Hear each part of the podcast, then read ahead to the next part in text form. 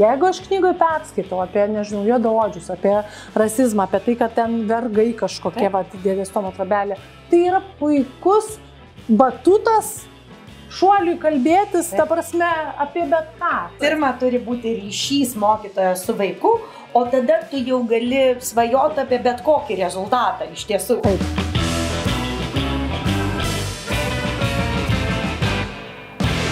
Sveiki, su jumis sveikinasi leidyklos Alma Litera podkastas knyginėjimai ir mes kalbamės, kaip jau ir įpratome, apie knygas ir apie tai, kaip jos rašomos, apie tai, kaip knygos keičia kuriejų ir skaitytojų gyvenimus, apie kūrybiškumą ir kaip jų ugdyti, apie pokyčius, kuriuos atneša knygos. Ir uh, visą informaciją apie leidyklą ir apie mūsų knygas jūs rasite svetainėje www almalitera.lt.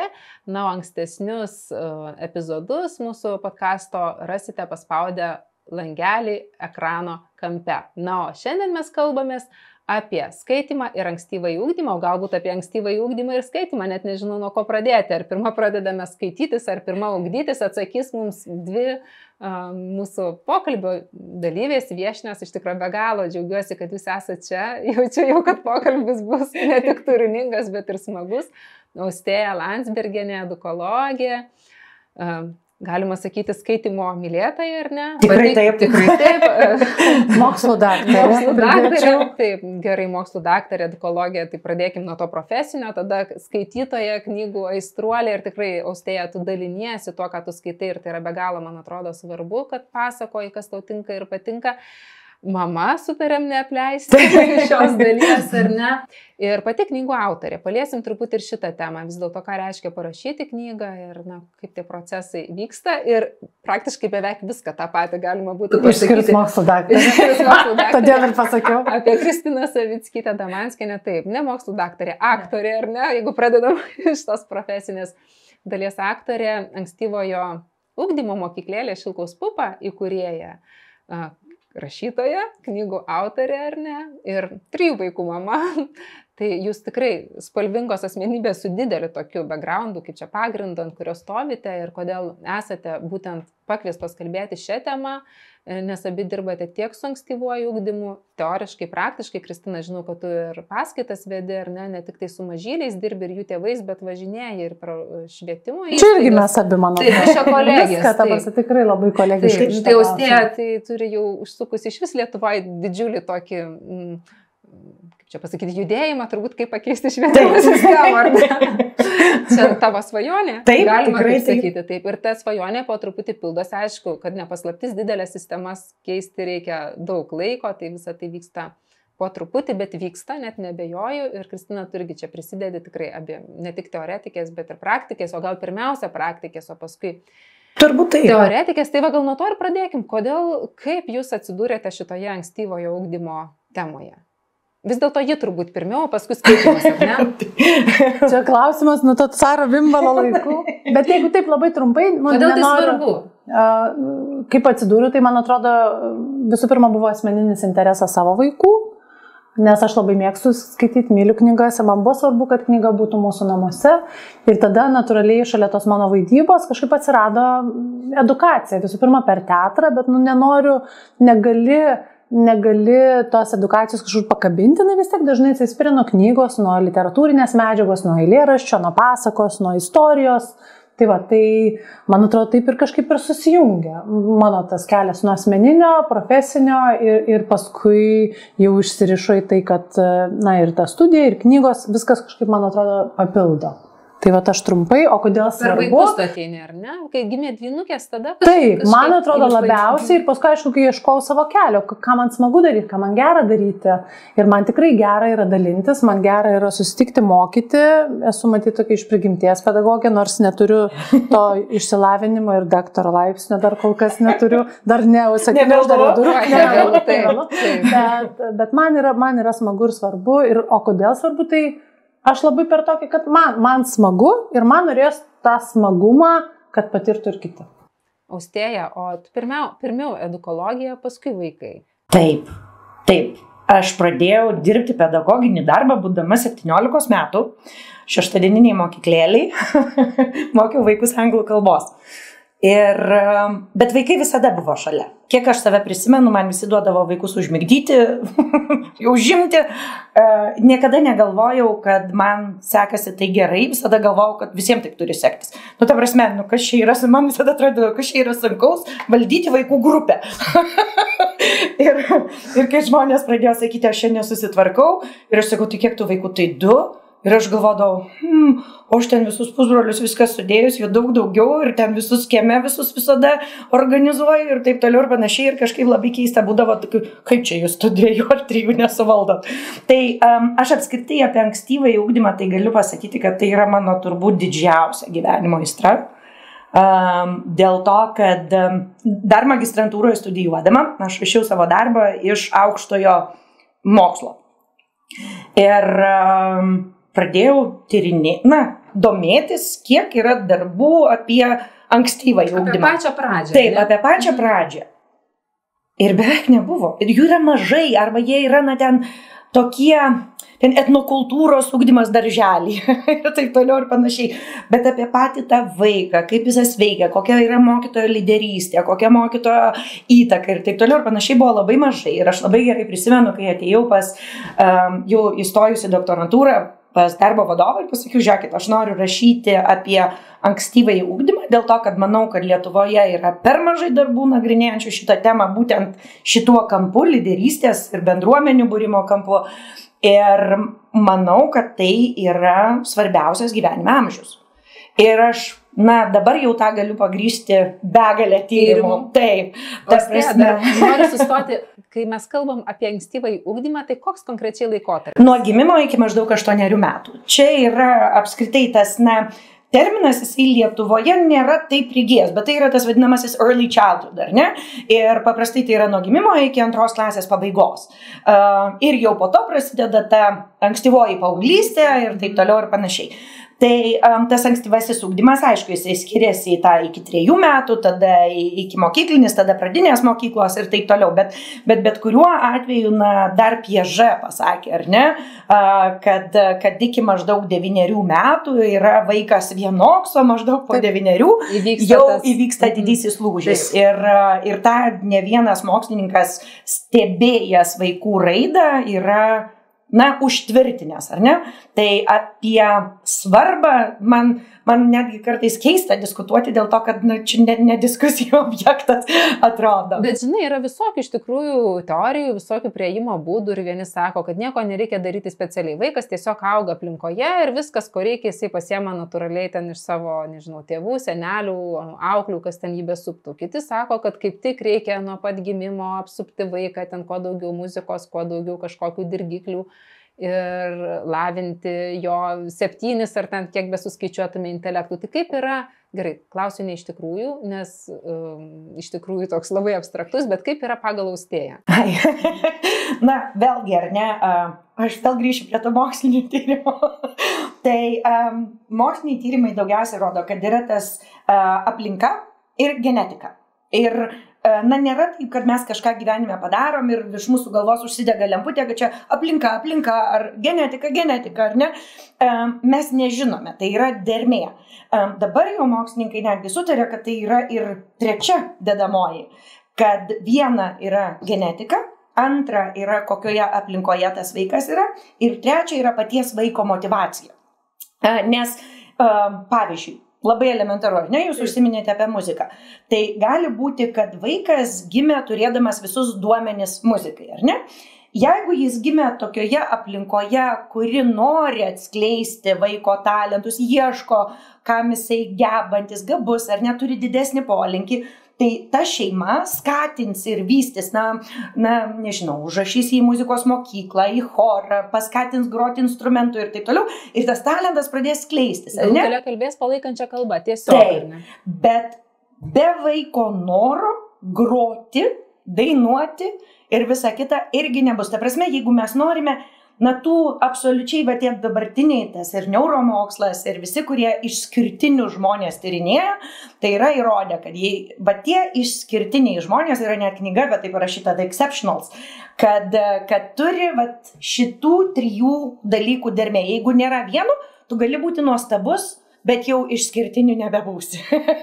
tai, tai vėlgi labai labai įdomu, na, kaip yra viskas vis dėlto svarbu ir, ir taip mes galime išvystyti ir dalykus, kurių galbūt genetiškai neatsinešėme, bet va to, na to jau to vieno procento nebe, niekaip nepasieksime, mhm. nes vis dėlto turi būti šitų trijų dalykų dermė. Ir kai tėvai, pavyzdžiui, manęs klausia, žiūrėk, bet, nu, turi, mes labai labai norim, bet vaikas nenori. Ir aš sakau, Nėra tų trečių. O kaip atpažinti, dar taip iš, grįžtant į tą praktinę pusę, va, apie tos tėvus, ar ne, gimė mano kūdikis, nuo nulio, sakai, iki aštuonerių yra tas svarbiausias laikas, tai kuriuo metu man reikėtų atpažinti, kur jau čia ta genetika, nes vis tiek iš pradžių atpažinti, gal kokios yra vaiko duotybės, kokie čia tie talentai turėtų būti ugdomi, tai kuriuo metu taip daryti, kaip daryti, kaip atpažinti. Na, Tada jau prie Kristinos keliausim. gerai, gerai, viskas tvarko. Aš, aš turiu ką atliepti ir žodžiu atliepsiu. Irgi iš praktinės pusės. Na, pavyzdžiui, mūsų dukra, jai buvo, dar nebuvo dviejų, jinai kol sėdėdavo ant poduko, tautinė giesmė gėdodavo. tu prasme, ir, na, tiesiog, jai tai buvo labai svarbi daina, nu, vaikui ar ne, tai atrodo daina, bet uh, na, jai muzika. Muzika yra didžiulė jos gyvenimo dalis, jinai nepaprastai daug klauso. Mes vad kaip tik vakar pasitikrinom, kiek mes Spotify'aus esame klausę, nes ten jau paleido kiek per metus. Ir dukra yra ten kartais, kartais mane aplenkusi, kiek jį klauso muzikos, ar ne? Ką tai rodo? Tai rodo, kad žmogui įdomu ir taip toliau ir panašiai, ar ne? Um, o kada pradėti to ieškoti? Na, ankstyvoji vaikystė būtent ir, ir yra apie tai. Na, ne, ne ankstyvoji vaikystė, bet tas ankstyvasis amžius. Dėl to, kad tada mes galime išbandyti viską. Ar ne, mes galime išbandyti sportą ir, ir yra labai, na, mokslininkai labai nerekomenduoja, ir aš priklausau tai mokslininkų grupiai, kur labai nerekomenduojam, na, tokio labai kryptingo ugdymo vaikui iki 8 metų. Dėl to, kad tada daugiau mes jam primetame, Nes vaikas nori įtikti, nori patikti, nori, nori, kad mama džiaugtųsi, kad tėtis džiaugtųsi, didžiuotųsi, nes mes tada esame labai dideli autoritetai. Ir labai lengva yra vaikui primesti. Um, tai, na, tarkim, ten mama norėjo labai šokti baletą ir nešoko ir tada dukrytė nuveda į baletą ir kai dukra sako, bet man labai nepatinka, aš nenoriu nubaigti, tu, bet tu pasižiūrėk, kaip tu puikiai atrodai. Ir tada vaikas, nu, nu gerai, ir eina. Bet tada yra amžius, kai ir paplaukti gerai, ir pašokti gerai. Ir, na, kuo daugiau į, į, įvairių veiklų. Taip, taip, taip, ir nereikia to bijoti. Na, nes, sako, bet tada mano vaikas gerai negros, nes turi groti ketverių. Um, jo, jeigu jis yra Mozartas. Bet kol kas buvo Mozartas vienas.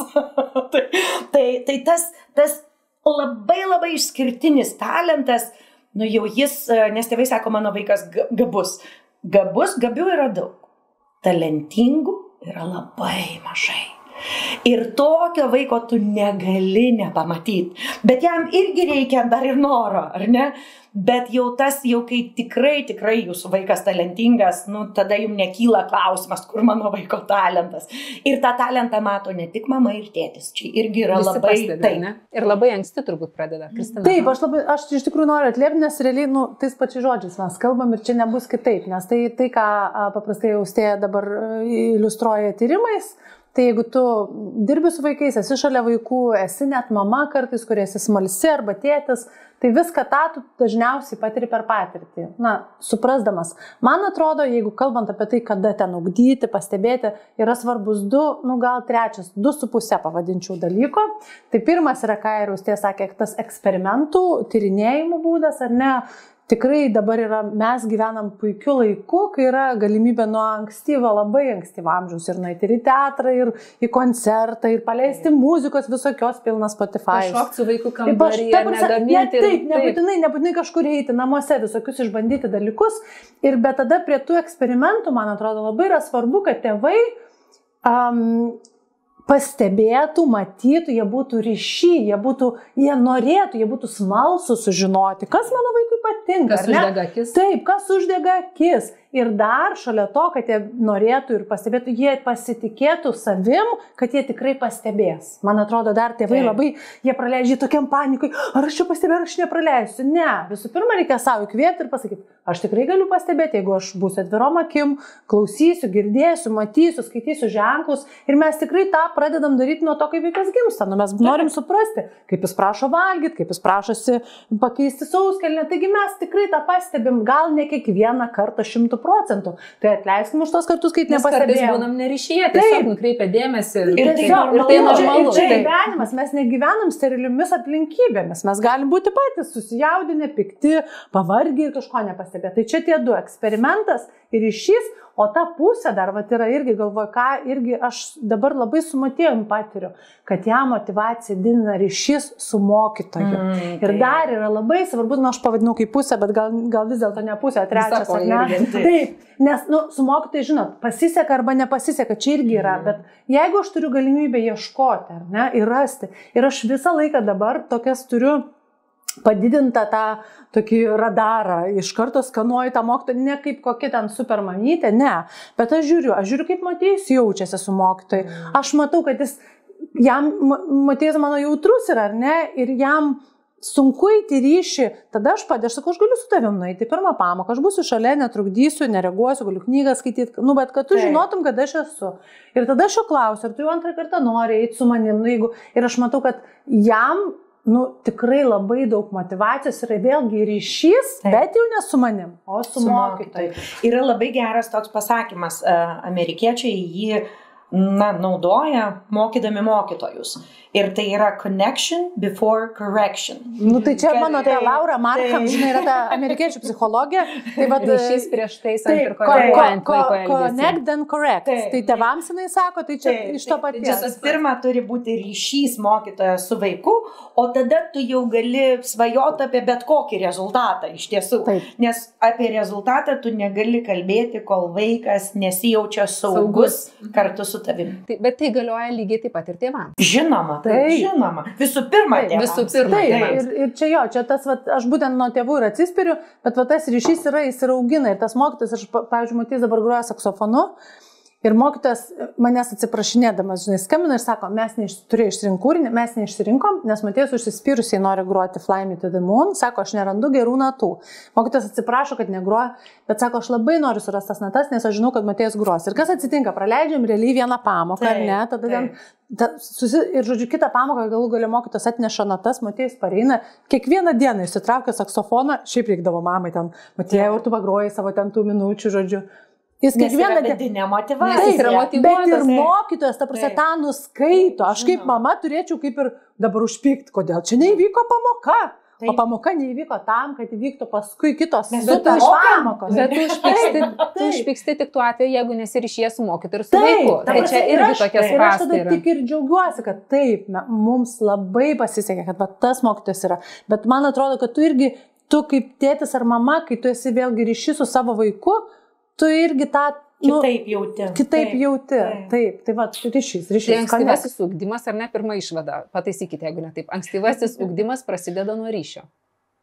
Nu, Taip, Ar galima be ryšio, ar galima, jeigu nu, visas nesiryšyje? Gyvenimas yra apie ryšį, apie tai, kad mes norim būti ryšį, mes ieškom to ryšio, kaip Ar vaikas. maži ar dideli Taip, taip, taip, kaip mažas, žinai, nenoriu paliesti ties, kaip mažas, labai, labai tie todleriai vadinami, tie visai Taip. maži, jie labai moka, jie tėvus moka atsukti Taip, save. taip, Tai fiziškai, Taip, taip. fiziškai. Taip, bet čia yra viso mūsų gyvenimo siekis. Ir, Tai ir jo. žiūrėkit, tada kita klausimo pusė. Jeigu aš negebu, nežinau dėl kokių priežasčių, mėgsti ryšio su vaiku, man tai nu, kažkaip komplikuojasi, net nežinau apie tai, kad jį reikia mėgsti ar ne, labiau esu užsisukusi tam pareigos kažkokiam, kad mm, auginu vaiką, vykdau savo pareigas ir turiu lūkesti jį išugdyti. Tai vis dėlto tokiai mamai, kaip ar tokiam tėčiui, ar ne, arba tokiam mokytojui, jeigu tai yra mokytas, kaip tada prieiti ir pakalbėti apie tą ryšį ir apie jo svarbą, yra kažkokie būdai, metodai, kur nueiti, kursai, nežinau. Nes, žinai, gal ne visi apie tą ryšį supranta, kad tai yra svarbu. Nu tai, ta prasme, tai pirmas dalykas, jūs sėdime šį ir karksim, ar ne? Kas mumis netiki? Kas gali jumis netikėti? Kas, kas mumis netiki, tai ta prasme labai tada sunku tokį žmogų kažkur ir nukreipti. Aišku, galima, na, tarkim, jeigu žmogus jau nori, ar ne, na, tarkim, yra ta Išgirdo susi kažkaip. Nes suprantat, dažnai, ką aš esu pastebėjusi, kadangi tikrai su labai daug mokytojų dirbu, tai labai dažnai, jeigu jie neturėjo to ryšio, yra labai sunku jiems papasakoti, kokie stebuklai vyksta, kai jis yra. Mhm. Nes mes galime žiūrėti į ugdymo procesą kaip į techninį veiksmą. taip, ir netgi Taip. ne tik ugdymą, į vaiko auginimą galima į grynai meilę techniškai, į meilę žiūrėti galima žiūrėti. Taip, aš apie tai ir klausiu. Ar ne, jeigu mylėti, tai A, B, C. Taip. Ir, ir tada aš pat pagal tą sąrašiuką ir einu. Ar ne, bet jeigu aš mokytojas, tai aš A, išeinu programą, B, išeinu vadovėlį, C, duodu namų darbų ir taip toliau ir panašiai. Parašau Ir, pažymį. ir turiu taip, parašau rezultatą, pažymį. Ir tada, o tai kas blogai? Ar ne? Ir, ir tas žmogaus klausimas yra ganėtinai legitimus, nes, nes jis atliko tuos, na, Funkcijas tas. fu, tuos punktus, ar ne? Bet esmė yra ta, kad nėra tų nematomų gyjų, nėra to jausmo, nėra to, kur vaikas, na, neįsmiego. Nesakys man, nu, man kažkaip atnaiti rytoj, nepasiruošus tam mokytojui. Nu ne, aš, aš šiandien eisiu vėliau mėgoti, bet aš, bet aš pasiruošiu, ar ne? Ir, ir yra, kur vaikas sako, aš iš vis man, man ne, nerūpi. Ar ne? Ir kodėl nerūpi? Dėl to, kad vaikas jaučiasi, kad jis nerūpi. Ir, ir mokytojas sako, bet rūpi, nes aš, nu, va, išeinu programą, duodu namų darbus ir taip toliau ir panašiai. Bet va čia va yra, kur, na nežinau, man kartais atrodo, kad elementariai nuo knygų skaitimo pradėk, ar ne? Kur netgi yra labai praktinių patarimų, kaip kalbėti su vaiku, ką daryti. Nes aš, pavyzdžiui, pastebėjau, kad kartais žmonėm reikia labai paprastų įrankių. Na, tarkim, mes mokykloje dabar mm, jau nemažai metų, trejus ketverius kalbame apie augimo mąstyseną, ne? Um, Carol Dweck iš Stanfordo universiteto yra uh, parašiusi knygą, na, kuri sulaukė ten pasaulinės sėkmės ir uh, aš dalyvavau jos mokymuose, na, bet kaip tą įgyvendinti mokykloje, tą augimo mąstysenos ugdymą. Ir tą paaiškinti labai sunku yra. Ir tu pradedi nuo frazių. Na, pavyzdžiui, jeigu vaikas sako, man nepavyksta, tu sakyk, tau nepavyksta kol kas. Ar ne? Ir atrodo elementarios frazės. Bet um, vėlgi, ką ir per tos mokymus sakė, kad sako, žiūrėk, pirmą tu įdedi lūpas, o tada, sako, nusileidžia ir į širdį. nes, nes tu pradedi galvoti, kad aš turiu pasakyti tą frazę, tada tu ją pasakai ir galų gale, kai ją pasakai pakankamai kartų, tu pradedi jausti. Perpranti iš tikrųjų, ar ne? Taip, taip, tai kada ją pasakyti, kaip ją pasakyti, tu pradedi tuos subtilumus pajusti. Tai man atrodo, kad tai yra išmokstama, bet, na, reikia pradėti nuo labai paprastų įrankių ir nekelti savo tų per aukštų lūkesčių, kad čia, galvoju. kad čia aš, aš čia jau rytoj turėsiu fantastinį ryšį ir taip toliau ir panašiai. Tu pradėk nuo mažų frazių, nuo mažų žingsnelių, na, nuo, nuo diskusijų, bet nežinau, aš bet čia skaičiau labai gerų klausimų su vaiku. Bet Taip. net ir tas skaitimas, Taip. tai nekelk lūkesčių, penkios minutės per dieną. Taip, Taip, pavyzdžiui, užsibriešk lūkestį. Gal ir tu ko nors ilgiesi, vad su vaiku, bet taip aš Gerai. ar ne? E, Truputį sustojom, nes jau pradėjom vartyti, tai čia yra, ne bet ką vartom, čia yra Kristinos naujausia knyga. Susigėdau. Susigėdai. Arba, va, prašau, pradėkime nuo labai paprastų konkrečių veiklų, kur iš tikrųjų ką žmonės dirba. Va. Taip, prašau. taip, ir va, visiškai. spalvoti Čia salė. kita knyga yra Austėjos knyga, truputį anksčiau išleista, bet mes iš tikrųjų... Ir- Šiandien mes viena kitai Ir dar- dar-. Bet Taip. ir be mūsų knygų, taip, iš tikrųjų yra Va, dar kita Kristinos informacijos, yra pilna. Taip, tik tas taip. reikia noro ir reikia, man atrodo, aš irgi pastebėjau, kad man asmeniškai pačiai, jeigu aš noriu savyje kažkokio pokyčio, ar ne, nežinau, sveikiau maitintis, aš pasimu vieną tip patarimą, Taip. ar ne, ir galvoju, kaip aš dabar dvi savaitės, nežinau, rytais gersiu vandens stiklinę. Arba prieš jo, prieš kiekvieną maistą suvalgysiu kokią nors daržovę. Ta prasme, vieną vienutėlį nepradedu. Čia tas step, kad- sveiko, jo, sveiko viso. Šimtas Jo, sąrašas. ne, tai Ir tas tada pats nieko nepadarai, Jo, ar ne? Išsikelk savo vieną tikslą, va, tau nepavyksta kol kas, ar ne? Mhm. Visada, kai vaikas Taip. nusimins, pridėsiu kol kas. Mėnesį. Dirbu ties to. Ir, Ir po to per mėnesį tai tampa Taip. jau tu internalizuoji. naują, Pereini skaitau penkias Taip. Minutės, vakare prieš dantų valymą, penkias Taip. minutės. Ne 25. Ne, pus, ne ką. knygą, ne Taip. skyrių, ne. Užsisuku, užsistatau Taip. tą kiaušinuką, e, žinai, Mažais, tai užsivirimo. mažais ir Taip. pamatuojamais Taip, turbūt, ar ne? Taip, Nes savo pasakyti, kad aš neturiu net penkių minučių savo vaikui vakare paskaityti, nu jau toks yra, nu labai nekokybiškas, ar ne? taip, Nes, Taip. nes pusvalandžio tu gali sakyti negaliu, nes tie vaikai du, aš grįžtu vėlai ir taip toliau ir panašiai. Tai nieko tokio, na, per va, 5-6 mėnesius tu ir užsiauginsi tą. Ir svarbiausia, kad taip, kad 5 minutės tu rasi, gali būti, kad tą dieną tu paskaitysi ne 5, kitą 10. Taip. Ir, ir supranti, ir kas atsitinka, kai tu randi 5, tau užauga pasitikėjimas, kaip man. Traumuotas Kad aš galiu rasti. Taip, aš taip. radau to laiko. Taip. Taip. Ir aš, žiūrėk, 30 dienų, aš kiekvieną dieną, aš nei vienos Taip. dienos nepraleidau. O tu žinai, pasiskiri ten, nežinau, skyrių, ar ten kažkokį va pusvalandį, Taip. tu neperskaitai viskas, tavo pasitikėjimas Taip. kaip mamos ar tėčio. Krenta. Nu, Taip. Tai geriau yra auginti nuo mažo, Taip, negu užsibriežti didelį ir paskui skaudžiai kristi. Dvi minutės. Taip, nu gerai. Visi tyrimai įrodo, kad didelis tikslas yra pasiekiamas, kai mes jį susiskaldome į mažus pasiekiamus tikslus. Taip, ir sakau, ir gali būti, kad jeigu tai yra savaitgalis ir nereikia skubėti atsigulti, tu vietoj penkių paskaitysi valandą Taip. ir tada tu sakysi, vau, kaip gerai, bet rytoj vėl grįžtu prie savo penkių minučių Taip. Ir nebekelsiu tos valandos. Gerai, apie skaitimą. Tai skaitote abi savo vaikams, ar čia tik tai teoriškai? Gerai, skaitėt, galbūt jau jie dideli. Ar teoriškai? taip. ir kitus mokot. Ne, tai aišku, kad pašnekėti yra labai lengva. Pašnekėti lengviau. Skaityti visai būna. Aš tebe, aš tebe skaitau. Ir iš tikrųjų, matai, skaitai? Jo, mes, ne aš, mes abu. Jūs. Iš tikrųjų, dažniau net tėtis skaito, nes mano dabar pareiga yra truputį pagulėti ir pasimiluoti, nes jau miluotis nebenori kitų metų, bet reikia jam dar. Tai va tas. Tai taip ir aš skatinu visus nenustoti skaityti, kai vaikai išmoksta skaityti. O nuo kelių metų pradėti tada? Oi, nuo gimimo. A, Man lengviausia jau buvo skaityti, kai vaikai sėdėti pradėjo, dėl to, kad tada, na, pasisodini kartu Gali vartyti. ar Taip, ne? tai maždaug nuo 5-6 mėnesių, dėl to, kad atsirėmęs jau jisai 5 mėnesių puikiausiai atsirėmęs, gali sėdėti ir kol, kol ten skaitai, na, diskutuoji, rodai ir taip toliau ir panašiai. Uh, bet aš skaitydavau tai nuo pat gimimo, dėl to, kad apskritai labai mėgstu skaityti, tai aš dažnai garsiai skaitydavau arba, arba, arba tyliai, bet, uh, bet dažnai ir garsiai. Esi šalia su knyga Taip? Taip, kad ten tas, tas kūdikėlis, na jis dar labai kūdikėlis, tai guli ir ką. Ir guli. Bet tu tada skaitai ir tada savo gali skaityti savo Savo knygas. Aš knygas, savo skaitydavau. gali skaityti bet kokias Taip. knygas šiaip, kokias vaikiškas savo vyresnių vaikų. ir dar netgi dažnai nelietuviškai.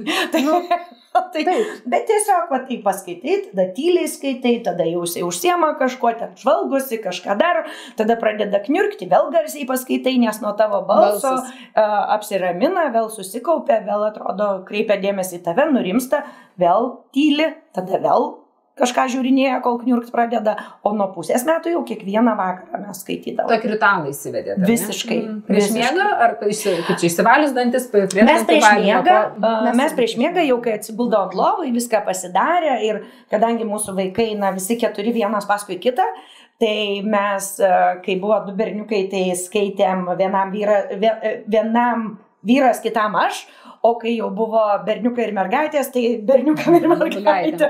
Taip, visai um, keisdavome. Ir čia toks skamba kaip ritualas neblogas nusiraminti apskritai po tos dienos tokios įtampos, kad tiesiog atsigulam ar ne, esam ryšyje, klausom to balso raminančio. Tai... Bet čia irgi, va čia, ta prasme, čia aš man atrodo labai dar svarbu um, um, ir tevam patiem uh, sus, susitarti su savim, svarbiausia, man atrodo, Taip. ir galbūt šeimoje, koks yra lūkestis, ar ne? Ar lūkestis yra kurti įprotį kažkokį, visų pirma, buvimo su vaikais, man atrodo, skaitimas ankstyvasis, nepaisant to, kad ten yra viskas, ir, ir žodžiai, ir ar ne, ir, ir, ir prasmės. Nu, kaip pagalvoji, taip, ir, ir vertinga literatūra, Taip. viskas tai Vien yra. žodino plėtra. Taip, viskas nuostabi. tai yra, bet man atrodo, ne, vėlgi neužsikrauti labai didelio lūkesčio reikėtų. Reikėtų galvoti apie tai, kad skaitimas namuose, tas ankstyvas, ypatingai skaitimas namuose, yra apie kažkokio smagaus laiko ne? e, kartu e, Ryšį. ritualo kūrimą. Ir vėl apie ryšį. Taip. Nes man atrodo, kad irgi, kiek aš susiduriu, tai mes irgi apie tai ir, ir, ir man atrodo yra svarbu pakalbėti, kokia literatūra yra vertinga, ką turėtų skaityti vaikai, ką turėtų skaityti tėvai. Bet jeigu neveikia vertinga literatūra, Nedžiugina, nu, ne? nedžiugina, nu tai pradėkim nuo kažko, kas Kas džiugina. Taip, aš Tegul- prisimenu, mūsų dukrai buvo treji turbūt, um, tuo metu gyvenome Belgijoje, grįžome į Lietuvą, jinai nuėjome knyginą, jinai atneša knygą ir sako, aš žinau, kad čia šlamštas, bet gal galiu. Nu, Ir kartais ir mes norim to piragaičio ar kažkokio ten romantinio Tai, filmo. tai va, va, man atrodo, yra labai svarbu taip apsibriežti, susikurti, ko tu nori ir, ir nesikelti vėlgi per didelio lūkesčio. Taip. Ir, ir nes tas lūkestis kartais jis tada ir nutraukia, aš vat, kaip ir užbėgdama už akių sakau, kad pavyzdžiui, nu, tas vaikas, kai pradeda skaityti ir tėvai numeta, ar ne, kad jau tu pats skaitysi, Taip. vaikas praranda interesą. Nu, jeigu jis gali perskaityti ramiai tris eilutes, nu, tai ką jis supras Taip. iš istorijos, Taip, iš taip. trijų eilučių. Tai skaitimas dar su tėvais gražina tą džiaugsmą istorijos, džiaugsmą Taip. sužinojimo, o tada yra džiaugsmas perskaitimo žodžio, kuris irgi fainas. moksliniais tyrimais Prašau, papildyti. Prašau. Tai uh, vėlgi, yra, kas yra jau įrodyta, kad vaikas pasiveja, na, nes vaikas supranta daugiau, negu gali perskaityti. Uh, Dėl to, kad skaitimas skirtingai negu kalba nėra intuityvus. Skaityti reikia išmokti. Tai yra sudėtingas procesas, kurio vaikas turi būti mokomas, ar ne? Um, ir labai dažnai mes klyzdame, nes galvojame, kad išmoko kalbėti, tai išmoks ir skaityti. Ne, uh, kalbėjimas yra, na, evoliucijos konstruktas, o skaitimas Kultūros. yra jau kultūrinis Ir konstruktas. socialinis. Taip, ir dėl to, na, tai yra visiškai skirtingi dalykai, nors atrodo be galo, be galo susiję. Ir tyrimai rodo, kad vaikas iki šeštos klasės supranta daugiau, negu gali perskaityti. Maždaug tik šeštoje klasėje gebėjimas skaityti jau yra toks geras, kad jis gali paimti bet kokią knygą ir skaityti. Čia jeigu vaikui yra skaitoma, jeigu jis neturi raidos sutrikimų ir taip toliau ir panašiai. Ką tai reiškia? Tai reiškia, kad šiaip iki šeštos klasės vaikui reiktų skaityti. Taip. Taip ir yra. Mes turėtume skaityti garsiai, o nuo šeštos klasės jau galim tikėtis, kad jis Aš iš tikrųjų, taip, tai pagal tą suvokimą taip, bet iš tikrųjų man atrodo reikia nustoti skaityti tada, kada vaikas pasakys, nu mama, aš Oi, nebenoriu. tai- tai vat Gali mūsų būt, kad dukra šeštoj, tai jam bus koks paskutinė, 12 Šešta yra ne? ne riba, Taip. ar ne? Tai, bet, bet ir, na, suprantat, kaip neriba ir Bet jis gali ir anksčiau. pusę. žinoma, Nes žinoma. mūsų dukra tai atėjo aštuonerių ir Taip. sako, žiūrėk, Nebenoriu. jau nebenoriu. Taip, taip. Jau sako, žinok, man, nu, viskas su tavim gerai ir su tam tavo knygom. Taip. Bet aš jau noriu skaityti pati, nes broliai skaito patys, sesė skaito pati ir jau kaip ir aš irgi norėčiau Tai čia dar individuali pati. raida. Taip. Bet austė tai, ką sakai, man atrodo labai svarbu dar akcentuoti, nes kartais, žinai, tėvai nuleidžia arba mokytojai rankas, vat, antrokas, ketvirtokas, ten dar penktoji klasėje neskaito, neskaitys, o dievė tragedija. Tai bet gal dar ne tragedija, gal dar iš tikrųjų to vaiko, ta individuali Taip, raida, dar mums taip. reikia palaukti ir pabūti kantriems ir gal net tada ne šeštoji, gal net septintoji gali įvykti tas šitas, ar ne? Ir, ir dar vienas yra dalykas, kad labai dažnai tėvai, kai vaikas pradeda, na, nežinau, bet, bet mano mačiutė žemaitiškai tai sakydavo šlebizavoti. Mhm. Ar ne, kai taip skaito, bet dar, na, ten kliūdamas, kliūdamas. negali papasakoti, ką perskaitė, nes jo visos smegenys susitelkia į skaitimo procesą ir nebelieka Prasmės. energijos suprasti. ir, ir tas vaikas perskaito ten visą pastraipą, tu sakai, ką perskaitė, žiūri tave. Uh, Nu, perskaičiau. Tai, perskaičiau. Ir labai dažnai tėvai, kai jis jau taip skaito, na tai ką, nufilmuoja, nusinčia babai, pasidžiaugia, jau vaikas skaito ir maždaug jau viskas. Jau tu skaitai. Bet tai yra šiaip labiausiai kritinis amžius, kada paleidus gali vaikas nebemėgti skaityti, nebetobulėti jo skaitimo įgūdžiai ir, pavyzdžiui, trečioje, ketvirtoje klasėje vaiko skaitimo įgūdžiai vis dar yra kaip ir moko. Dėl to, kad jis, nes tas laikas yra labai labai sudėtingas, nes tu turi, nu, žiauriai daug dirbti. Čia darbas. Tai reiškia, vėl turi skaityti, ar ne? Taip, mama ar Ir, tėtis. ir dar kartu jam Kalbėtis paskaitom turbūt, ar ne? kartu, Mhm. paskaityk man, pa, pašnekam, ką perskaitė. Pavyzdžiui, aš su vaikais darydavau, kad puslapį arba pastraipą jis, o tada jau aš. Tada jis, tada aš. Na tokį, kad vaikas ir suprastų, kas vyksta, tokia, taip, ne? ir galėtų reflektuoti, ir, Ir pailsėtų. Ir pailsėtų, ir smagiai pabūtų, ir nesijaustų, kad čia dabar aš jį prievartauju kažkaip, ar ne, su tuo skaitimu. Ir tada, kai jau jauti, kad jau labai labai sklandus tas skaitimas, nes vaikai, na, kaip, jie pradžiai šlepizavoja, tada jie pradeda spėt galūnės. Mhm. Ir tokį kūrė tekstą, tą, jeigu jie pradeda skaityti blom blom. Nes vėlgi, ar ne, na, vėlgi, ką ir neuromokslas yra įrodęs, ar ne, mes taupome energiją, mes nešvaistome kalorijų. Um, skaitimas, smegenų darbas suvalgo daugiausiai kalorijų. Tu jas pradedi taupyti, nukasdamas galūnės, e, interpretuodamas ir taip toliau ir panašiai, nes, na, na, tu nenori susikaupti ir labai sunkiai dirbti, kas yra skaitimas. Čia ne? netgi nenori, tai irgi pasitikslinam, nenori ne dėl to, kad aš nenoriu kaip aš, bet čia tiesiog, tiesiog fiziologiškai tai taip veikia smegenys. Taip. Čia nėra sprendimas, taip. kurį priėmų sąmoningai, tiesiog taip ne, vyksta. Tiesiog taip. taip vyksta ir dėl to labai labai labai svarbu yra tuo metu nepalikti vaiko o skaityti jam, skaityti su juo, žiūrėti, kaip, na, kaip jo ta skaitimo raida vyksta, ar jisai tobulėja ir ar nepatiria per daug frustracijų. Tada ir prasideda ta taisyklė, kad jeigu daugiau negu penki žodžiai ne, neperskaitomi ir nežinomi, nes žodynas dar per siauras, nesuprantami puslapyje, tada imi lengvesnę knygą. Dėl to, kad vaikui vėl, jeigu daugiau negu penkis patiria per didelę frustraciją, krenta motivacija. Tai man kartais netgi atrodo, kad va šitame etape, kai kalbame apie skaitimą, būtent apie skaitimą kaip procesą, ar ne?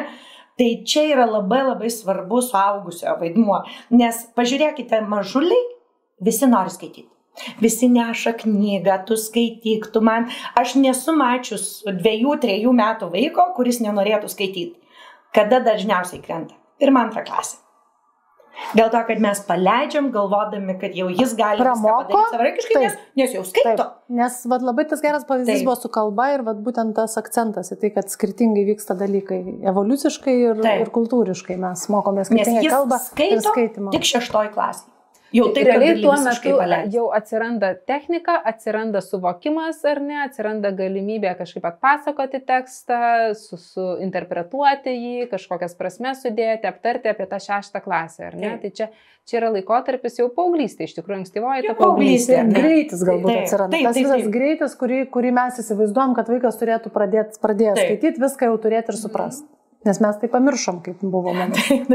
ir aišku, ir yra individualu. Yra vaikų, kurie jau ten trečioje, ketvirtoje klasėje skaito labai lengvai, labai greitai ir sudėtingas knygas. Ir, bet yra vaikų, kuriems tas didysis lūžis įvyksta šeštoje, septintoje klasėje. Ar gali būti, kad jeigu mes laikytumėmės tokios, čia atsakymas turbūt neįmanomas, bet vis dėlto pasidalinsiu, ar gali būti, uh, kad mes laikydamėsi tokios taktikos, nes iš tikrųjų nežinau, kiek mokyklose ir klasėse ir šeimose yra laikomasi skaitimo iki šeštos klasės ir žinoma apie šitą smegenų savybę, bet tokiu būdu, jeigu žinotume, jeigu skaitytume, jeigu kalbėtumėme su vaikais, tai turėtume ir daugiau tų skaitančių paauglių, nes mes kaip leidėjai, tai tikrai visame pasaulyje kalbam apie tai, kad paaugliai yra mažiausiai skaitanti auditorija, o dieve ką daryti, gal turinys netoks, gal ten kažkaip tai gal jie eina į telefonus pas draugus ir dėl to neskaito, bet galbūt mes juos tiesiog praradom nes?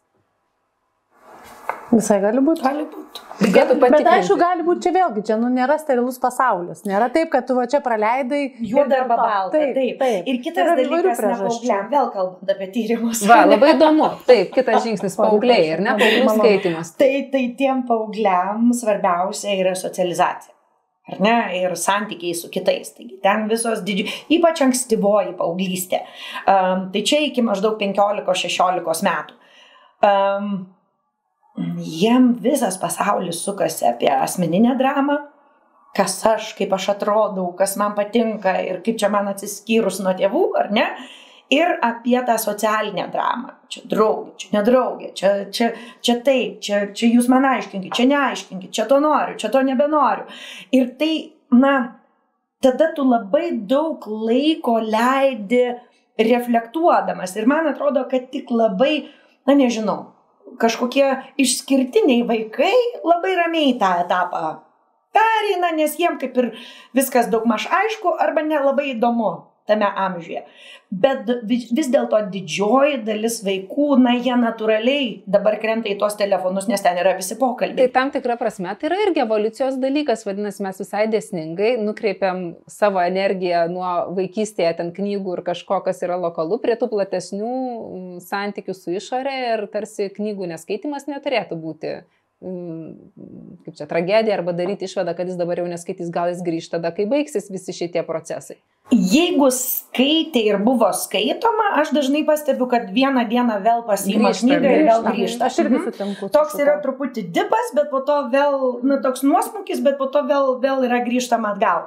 Uh, ir čia būtent tas nuosmukis yra kažkur tai 10-12 metų, toks truputėlį bum. Ir tada ant 13-14 pradeda vėl lipti. Bent jau iš to, ką aš pastebiu, aš to negaliu pagrysti tyrimais. bet- Reikėtų bet- paieškoti, Aš- ar yra, bet gal aš- nėra. Bet aš sutinku su Austėja, Mhm. kad iš tikrųjų taip, nuosmukis jis dažnai irgi iš savo pastebėjimų, iš praktikos, kaip bendrauju ten su kokiais mokiniais, su draugų vaikais, draugiam ir panašiai, tai su savo vaikais tai yra, bet man atrodo, paauglystė dar vis tiek yra toks svarbus aspektas, socializacija yra viena, bet paauglys iš tikrųjų jis labai aktyviai ieško atsakymų į klausimus, Mhm. ar ne? Ir ypatingai jeigu um, jam tėvai tuo metu gal atrodė kitą kartą ir nebefaina paklausti, draugų gal nedrasu paklausti, tai knyga, man atrodo, aišku, Google'as daug atsako, bet Dabar tik toką. Tai to, kas į daug atsako. Bet man atrodo, tas vaikas, kuris, vat, kaip ir pati sakai, kad ku- kuris knygą laikė patikimų irgi informacijos šaltinių, nes anksčiau ją skaitė, man atrodo, jis Mhm. irgi tą knygą vėlgi grįžta dėl to, kad jo tas smalsumas yra nu, labai didelis. Ir jis turi ją kaip įrankį, vis tiek savo resursuose Todėl ten yra. Investuoti į tai, kad knyga yra įrankis ir todėl vėlgi plėsti žanrų įvairovę ir jeigu vaikas mėgsta knygomis, vaiko turėti kambarį. aplinką su Mhm. knygomis, turėti, nežinau, su, pasakyti, kad bibliotekoje yra knygų, ta prasme, knyg, kur, kur tas knygos, nusivežti knygų mūgę, leisti Taip. išsirinkti galbūt knygą jo, nes, nu, tarkim, ir ne, o atsiprašau labai, ir neburblenti, kad, nu, čia šlamštas, ar Taip. ne, kažkokias darybas vykdyti. Tai man atrodo yra svarbus, tas įdirbis be galo yra svarbus. Na, pavyzdžiui, vienas gali būti, ar ne, irgi va, tas patarimas, kad vieną, vaiką, vieną, vaik, vieną knygą vaikas išsirenka, Taip. tada kita knygą jau mes išrenkam, ar ne? Ir mes, pavyzdžiui, irgi pastebėjom, kad jeigu į mokyklos biblioteką pradeda ateiti klasės sistemiškai, ne kada nori, ne pavieniai vaikai, bet sistemiškai klasės Skirta pamoka, tarkim, biblioteka. Labai labai išauga skaitančių vaikų Aus- ir įmamų knygų kiekis. Austėja, o patirtis yra uh, įvesti tokias pamokas, nežinau, visose mokyklose kaip praktika Lietuvoje yra ar ne, ar mes čia tik tai turim tas pavienės iniciatyvas? Ne, tai Pamoka ne- bibliotekoje. Ne, neįprasta, pas mus tai veikia Taip, jūs fantastiškai. taip- taip, o Jo, kaip- Aš atsimenu, kad mokyklos? net kai skaitydavau kažkokius ir interviu su pačia, dar, kai dar tik net nebuvo mokyklos apie vaikystės sodą, kad jūs, reiškia, einat, Taip. vedat Taip, vaikus į biblioteką. taip, Nu, savaitę Taip, nuostabu. Taip, tai skamba tai labai gerai. Tai klausimas, ar praktiškai Lietuvoje, aš nežinau, švietimo ministerijos lygmenį yra tokia rekomendacija įvesta apie pamokas bibliotekoje, ar čia labiau mokytojų iniciatyva ir nusižiūrėjus vieno austėjos? Aš labai tikiuosi, kad gal yra. Tai jeigu nėra, tai mes linkim, kad, kad nes čia yra irgi labai fainas pamoka. įrankis. Taip, pamoka bibliotekoje, iš tikrųjų. Nes tai tikrai veikia ir, ir vaikai mažučiukai vos pradėjo kalbėti, jau pradeda apie tai, nes pradžioje yra klasėje, na kiekvienoje klasėje yra bibliotekėlė ir mokytoja visada sakome, mes einame į bibliotekėlę, pasimsime knygą ir mes, na netgi esame viską pagal spalvas sudėlioję ir ten ant, ant nugarėlės yra spalva, vaikai pagal spalvas, net neskaitantis nieko, vaikučiai pasiema, de- įdeda gal į tą pačią spalvą ir taip toliau ir panašiai, jie tampa skaitytojais ir bibliotekos lankytojais jau iki trejų metų. Tai nuo trejų metų, kai jie jau, na, prieš COVID realiai pradėdavo važiuoti į biblioteką kas antrą savaitę, nes dabar, na, suprantama, kitaip yra, tai, um, tai, tai, tai jau jie yra, jie nuvažiuoja į biblioteką ir jie stebina visus bibliotekos darbuotojus. Jie jaučiasi laisvai, ar ne? Visiškai, nes jiem tai yra jau įgūdis. Ne tik įprotis, bet ir įgūdis. Bet ir čia svarbiausia, kad, ta prasme, paskui jie tai parsineša ir namo. Jie sako, aš ten buvau bibliotekoje ir galbūt tada kyla noras, nežinau, nueiti ir su didesniu broliu, kuris galbūt ne į tokį darželį, Taip. ar ne, nusivesti mamą. Ir ta prasme, ir va tai užsi, savotiškai užsisėja. Ir gal net parduotuvėje pastebėti knygų lentyną, ar ne? Taip, Jeigu šeima. parduotuvėje. Ir iš kitos pusės, ta prasme, man atrodo, dar tas iki mokyklinis amžius yra nuostabus tuo, kad tie vaikai irgi labai nori pasimatuoti ir tai savo tėvais. Ir pavyzdžiui, netgi, netgi nebūtinai gali, gali mokykloje ten vesti į biblioteką, bet gali paprašyti, nežinau, kad vaikas atsineštų, nežinau, mamos arba tėčio vaikystės knygą. Taip. Tai tada visi grįžę namo Taip. sakys Petro mama. Mm, Tai kažkokia vetriukas man kilo. Žodžiu, austėjos mama. atsinešė, Taip. reiškia, kn- e, austė atsinešė mamos knygą ir tada visi, tada tas, tas toksai virusas, jisai ir siejasi per tokius, nu, va, atrodo labai paprastus dalykus, bet išnaudojant tą vaiko norą, va, kažkokį ir tą, tą jo irgi smalsumą, man atrodo. Tai čia galimybių yra N plus K. Taip, tik tai ir, reikia... ir, ir net nereikia investicijų. Va dabar mes, pavyzdžiui, svarstome tokį, um, tokį projektą, kad klasėje pas mus ir taip vaikai visi atsineša savo skaitomą knygą ir jeigu anksčiau baigė darbus, gali tiesiog Skaityti. sėdėti ir skaityti savo, savo knygą, kurią šiaip skaito. E, Ir ypač dabar, na, kai ten e, bibliotekos knygos turi karantinuotis ir jos e, yra knygų karantine ir mes turim tokią knygų karantino lentyną ir taip toliau ir panašiai, na tai lengviausia yra jau turėti tą savo knygą, kurią tu bet kada gali paimti, įsidėti, kuprinę įsitraukti ir taip toliau ir panašiai. Tai um, norime padaryti lentynėlės, kur visi vaikai prie savo vardo sudeda savo dabar skaitomą knygą ir kur gali per pertrauką eiti net prie tos lentynos ir sakyti, o tai ką tu čia skaitai, nes, nes dabar per pamokas, na jis pasiima skaito, bet kiti dar dirba ir, ir po to vėl įsideda į kuprinę ir nepamato. Ir kažkaip tai pagalvom, na kaip skatinti jų dalinimąsi knygomis ir vad gimė šitą idėją, kad jos visos bus matomos, e, viršeliu na į viršų. Ir per natūralią tokia irgi konkurencija. Taip, taip, Smalsumas, čia smalsumą, o tu paveikslėlių jau Taip. nebeturi.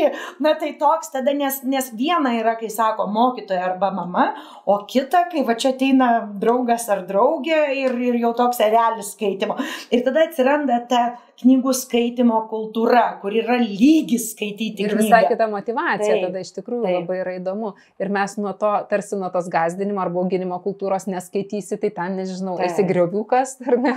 Puikus darbas, man atrodo, kas tik griuvius daug kas kiekvienas, kiekvienas, kiekvienas savo vietoje yra darbas, bet na, tai buvogi labai tas uh, bauginimo ar gazdinimo kažkokia kultūra, botago kultūra ir dabar mes tarsi einam prie to, kad užkrečiam, ar Taip, ne? Per tas, taip, padarom knygą morka paskui. Taip, bet čia, žinot, čia kaip Tomas norim. Sojeris. Ta prasme, Taip. tu gali d, tvoros dažymą paversti baisiausių darbų, o gali turėti eilę norinčių dažyti ir dar visus savo lobius atiduodančių. Už tai, kad padažytų. tai man čia yra geriausias pavyzdys, kaip ar tu sugebi parduoti vaikui tą Taip. idėją. Ir čia yra mūsų suaugusių uždavinys, na, parduoti tą idėją.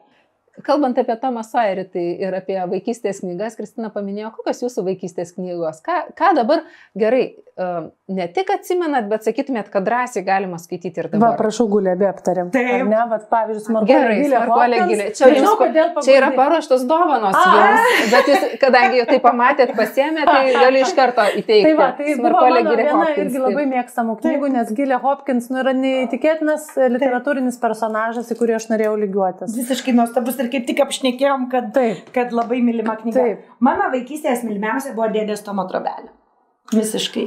prašau. Man, aš ją įdomus šešerių, nes tai buvo vasara prieš išeinant į mokyklą. Ir, ir labai labai prisimenu, ir labai daug metų buvo mano mylimiausia knyga, kurią aš galėdavau va taip pat vos neatsiversti. Ir mintinai ten sakydavau, tėtai, tu pažiūrėk. Aš prie dėdės Tomo trobelės gal norėsiu grįžti atskirai, taip truputį atidedam, nepamirštam jos, o dar. Aš iš tikrųjų, taip, tai vat, tarkim, ir Gilė Hopkins iliustruoja man tokie to, tie mergaitiški personažai, tai ten Ronija kokia nors, ar ne, va ta Gilė. Aš kažkokią matyt turėjau vidinio tokio mm, kažkokio, nežinau, padukimo. Kur, taip, chuliganizmo, kur tapatindavau su tom tokiom, nes šiaip aš buvau labai geras vaikas dėl įvairių priežasčių, bet gal ir būdas toks buvo, tokia atsargesnė, jautresnė, gal ir ten ta tokia vaikystės patirtis, kad mus, žinai, mus labai, mus tai lupo normaliai, tai mes tokie geri buvom, žinai, lupimo. Išoriškai jau viduje Jo, ta jo, ugnis o degė. Tai, va, tai aš labiausiai matyti ieško, aš ilgai skaičiau pasakas, tai ta vaikystė iš manęs kažkaip matyti ilgai neišėjo. Ir, ir tas pasakas sukdavau ir sukdavau. Ir aš labai kartodavau, va irgi toks buvau žmogus, kur Mhm. tas mylimas Grįždavai, knygas, ne? ta prasme, aš nežinau, aš man reiktų Čia gal knygų terapija. 30 kartų, 30 kartų tikriausiai suskaičius. Ta Knygų terapeutai turbūt rastų paaiškinimą, kad Taip, tam taip, tikrą aš- prasme tu gal Aš sukdavau ir sukdavau ir sukdavau tas tokias mylimas knygas, jų, jų yra pakankamai daug, nes aš daug skaičiau, greitai skaičiau ir ten galėjau jau tą knygą, kai skaičius buvau per, per vakarą, vėl per Taip, naują taip. Ir tikrai iki kokių 15-16 metų skaičiau tas pasakas ir vaikiškas knygas ir daug kartų kartojau. Tai va, tai mano tokia. O tavo dėdės Tomo trabelė tai Ir dar kas? nustebino. Gilė. Uh, tai aš į, na, iki mokyklinukė tai skaičiau pasakas, labai, nes aš labai anksti pradėjau skaityti, neturėjau brolių seserų. Tai reiškia labai anksti. Trejų. Trejų. Trejų. Um, trejų pradėjau skaityti ir kadangi neturėjau brolių ir seserų, tai... Um, Sesė gimė gerokai vėliau. taip, sesė gimė, kai man buvo dešimt. Prisiprašy. Taip. Ir, ir kažkaip labai, labai mėgau skaityti, labai man patiko skaityti, su bendramžiais ne visada rasdavau bendrą kalbą. Um, ir tada dar daugiau skaitydavau ir kažkaip aš, vat, kaip žmonės sako, aš ten kiemą, kiemą žinau, aš naidavau kiemą, pavadovaudavau ir po to grįždavau toliau skaityti. Į savo pasaulį. Taip. Tai, um, tai aš vat pasakas buvau visas turbūt perskaičius Ta ten serija, visų šalių. Pasaulio, seriją. taip, taip, Taip, taip, pasaulio. taip, bet va čia vat buvo prieš mokyklą, tai turbūt nuo trejų iki tų šešerių. Ir tada kažkaip, o aš vat nebuvau ta, kur noriu grįžti, aš perskaičiau ir viskas. Mhm. Ir ten, kur net labai prisimenu, kur mama sakydavo, nu bet tu turbūt neprisimeni, nu ta prasme, nu, tai Galėtum dar pakartoti, skaitai- nu. Taip, jeigu ketverius skaitai, gal norėtum grįžti prie tos knygos, bet man jau čia praeitas etapas ir aš, ir aš norėdavau eiti toliau. Tai man ironija irgi labai patiko, man Tomas Soaris beprotiškai patiko. Taip ir man. Nors ir Um, berniukas. Taip, taip. Bet irgi padukė. Um, Ir išradingas. Ir po to aš labai greitai peršokau jau į indienus. Mm. Labai labai greitai. Ir man, vėliau atėjo. ir man visi tie indienų nuotykiai pradiniai mokykloje, man buvo kažkas tokio ir man dabar yra taip sunku suprasti, kad, pavyzdžiui, mano vaikų nei vieno nekabino. Nei vieno. Mano irgi žinau. Taip, ir, ir nes jie nebe, jiem tai yra jau labai labai labai kitas pasaulis ir labai senas. Ir Nebeveikia šita realybė. Nebeveikia. Mm -mm. nebeveikia ir, ir aš manau, tai yra dėl to ir tas pat yra krytis paauglystėje ankstyvoje, dėl to, kad pagal programą yra žiauru tai, ką vaikai turi skaityti. Tai yra nuobodu, tai Net nu, pažįstama. net Nu, pažįstama. tu primink man pavyzdžius, aš dabar, kadangi seniau Aš va irgi bandau prisiminti Ai, ir ne, nešokai galą, bet, bet iš tiesų, na, Ja, jų nesu, žodžiu, jų, Jų jų ne, neįtraukia, nes jie nepalitraukia. ne. Aš prisimenu, kad mes grįžom iš Belgijos ir mūsų sūnui reikėjo išmokti eilėraštį mintinai. Mhm. Ir, nu, šiaip protingas bičias, viskas gerai, nu, niekaip neišmoksta, pradėjo nervintis visą kitą. Ir aš sakau, sėdam kartu, pasižiūrėti, kas ten yra. Ir man, aš perskaičiau tą eilėraštį ir aš sakau, jis, jis nesupranta. Ten iš serijos vyžos, iš serijos ten... net žodyno. Žodyno, taip, taip. Ta prasme, kad jam galėjo pakišti japonišką eilėraštį, kurį reikia staiga išmokti mintinai. Mes pradėjom ten aiškintis tuos gėlių retų pavadinimus, kuriuos aš pati nežinau, nes nesu žolininkė. o ta prasme, viską, viską išsiaiškinom. Tas vaikas per penkias minutės išmoko. tą, Nes kai- jis supranta prasme. Taip, jis ne? pradėjo Iš vizualizuoti. tuos- kalbos jūs Taip, išsivertėte. Taip, tai na, na, man atrodo, kad tai turi būti artima, įdomu vaikui. Tai turi, jis turi atrasti save arba tą turi padėti mokytas. Arba tėvai. Taip, Ir nes- čia irgi, ta taip. prasme, bet labai, va tas apie tos gėlės ir vyžas, labai ačiū, nes aš kalbėjausi, aš e, kuriu dabar tą tinklalaidę pasaką su Odega, kur mes ieškom tipo nuostabiausių žodžių, nu, tų senovinių taip, pasakų taip, žodžių, taip. ne, nes tinklalaidė yra skirta mažiems vaikams. Ir e, mano viena pažįstama sako, mano dukra klausia, o kas yra piemuo? Aš gyvenime nebūčiau sugalvojus įdėti žodžio kaip vaikams Taip. nežinomo piemuo, nes mums yra savaime suprantama. Taip. O pasirodo, Taip. ir tai man irgi toks nušvitimas, tai man atrodo, tėvai irgi turėtų, jie turėtų kažkaip ir, ir tie mokytojai, jie turėtų jautriau žiūrėti, taip, kas suskam, gal tikrai, gal Kas per daug taip. žodžių. Nes aš, pavyzdžiui, sakau, irgi na ta pati uh, paskenduolė, ar ne? Gerai, kas šiandien galėtų taip suskambėti? Ar ne? Ir iškelti šių problemą, dienų ne? socialinės problemas ir per jas nagrinėti, kodėl tada nesustojo ir kas dabar sustabdytų, o nes galbūt dabar, nu, galbūt tikėtina visiškai nebeaktualu, bet perkelkime į kitą, tai kokia dabar situacija galėtų priversti tai pasielgti. Ir ta prasme, ir tada tas tekstas taiga tampa Suskamba, ar ne? apčiuopiamu. E, čia tarsi toks dar įdomus yra aspektas, kad mes e, tai, ką laikom tą lietuvių literatūros klasiką, turėtume labiau skaityti ne kaip klasiką, nes klasika tai yra tai, kas visą laiką įdomu ir tai yra nuo aukščiausios vertės kūriniai literatūrinė prasme, kur kiekvieną paima arba daugumą paima, o turėtume skaityti kaip istorinius tekstus, labai aiškiame istorinėme kontekste. kontekste. Taip. Nu čia aš mažai ką galiu pasakyti, tu nebent. Taip, čia gal net nėra ką sakyti, čia tai vaikams tai nelabai įdomu, tai, tai galiu paliūdėti. Taip, bet pavyzdžiui, ta pati žemaitės, Martė, ne, kalbėti apie pačią žemaitę. Taip. Kokia ji kieta buvo ir kaip ji kieta įvarė ir taip toliau ir panašiai. Ir tada Petkevičiaitė bitė, kokia jinai buvo. Ir tada koks tų laikų buvo kontekstas ir kiek mes nuėjome, kodėl mes ten atsidūrėme. Ta prasme, čia integruoja istoriją, geografiją. Ir tada viskas yra kalbą. visiškai kitaip. Ir viskas tada vaikui gali atrodyti, ai, nu jo, tikrai, kai skaičiau, tai atrodė visiška nesąmonė. Bet dabar, kai mes kalbame apie tai, tai čia žiauriai kietai gali būti. Bet čia turi būti, na, bet mokytojas. mokytojas didžiąją M. Žiūrėkit, tai tada dar noriu pakalbėti jau apie tą Tomą Sawyer ir apie tai, kas pasaulyje vyksta su cenzūra kūrinių, ar ne? Kada mes uh, išimam žodžius, išimam gabalus, kurie dabar tarsi netitinka to šio laikinių vertybių, uh, kažkokia smurtas, juodaodžiai, uh, neligybė, moteris ar ne. Yra tam tikros karštosios temos ir jas, jos yra išimamos iš kūrinių. Uh, Ir tarsi dvi pozicijos. Viena sako, reikia išimti, reikia kūrinius adaptuoti, kita sako, necenzuruokime, geriau pateikime aiškintojus, aiškinimus, paaiškinimus ir tegul mokytojai turi įgūdžius, kaip kalbėti apie tai, kas keičiasi pasaulyje, kaip kažkaip aktualizuoti. Tai čia kažkaip austėja jaučiu, kad linksti į tą antrąją? Oi, aš tai visiškai konservatorė, ta prasme šito klausimu. Tomas Oiri, kupiruotam ar nekupiruotam dabar Tomas Oiri? Aš, aš iš vis nieko necenzuruočiau. Aš irgi. Ta prasme, aš manau, kad aš suprantu, apie ką mes kalbame, ar ne, dėl to, kad tikrai dabar jauni žmonės ateina ir sako, bet čia yra seksizmas, Taip. čia yra rasizmas, čia Taip. yra tas.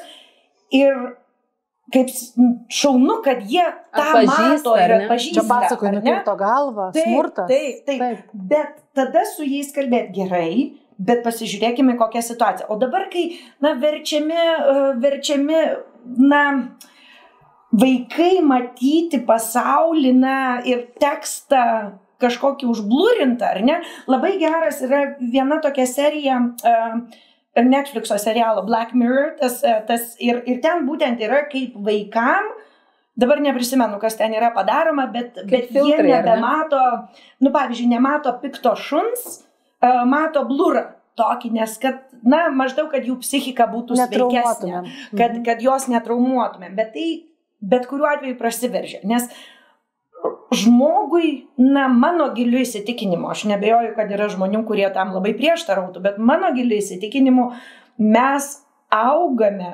kalbėdami apie savo ir apie kitų patirtis, ar ne? Ir daug geriau, aišku, yra su tuo susipažinti ir kalbėti per kitų patirtis.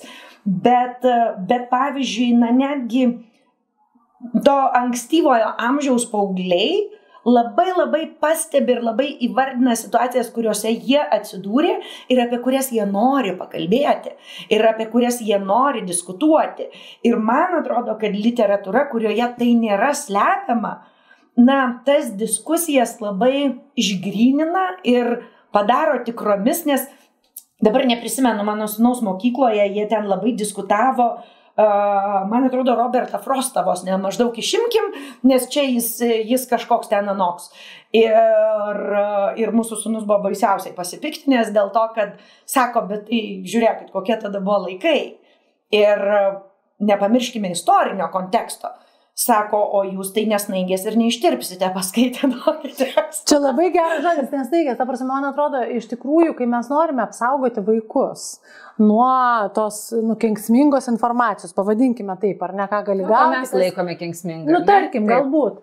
Mes, taip, mes nepra, neleidžiam visų pirma savo pradėti dialogo, bet kitas dalykas, mes labai nepasitikime savo vaikais, nes jeigu Taip. vaikas auga sveikoje aplinkoje, aš nekalbu apie ten fizinį ar psichologinį smurtą, bet jis tikrai yra pajėgus, nu jis yra pajėgus. Kristina. Jeigu jį pavoktų striukę, nu jis yra pajėgus paryti namo be striukės. Nu galbūt truputį pašals nosį. Aš šiandien dabar tai lygiai taip pat paskaityti. Jis grįžo su vienu batu. Va, va, jis yra pajėgus grįžti su vienu Kristina, batu. Bet ar mes nepasitikime sakykime, ir austėja, ar mes nepasitikim vaikais, ar čia slypi labiau baimė, kad nepasitikim savim ir gebėjimu kalbėti. Čia yra susiję, čia yra susiję, nėra lengva kalbėtis, kai vaikas Ta prasme, mano vaikas perskaitėm knygas dabar aštuonerių metų apie tai, apie seksu, visą ten litiškumą ar ne, apie tai, kaip mergaitės, daug dalykų jis kaip ir žinojo, kai kurios dalykus jis iš naujo sužinojo.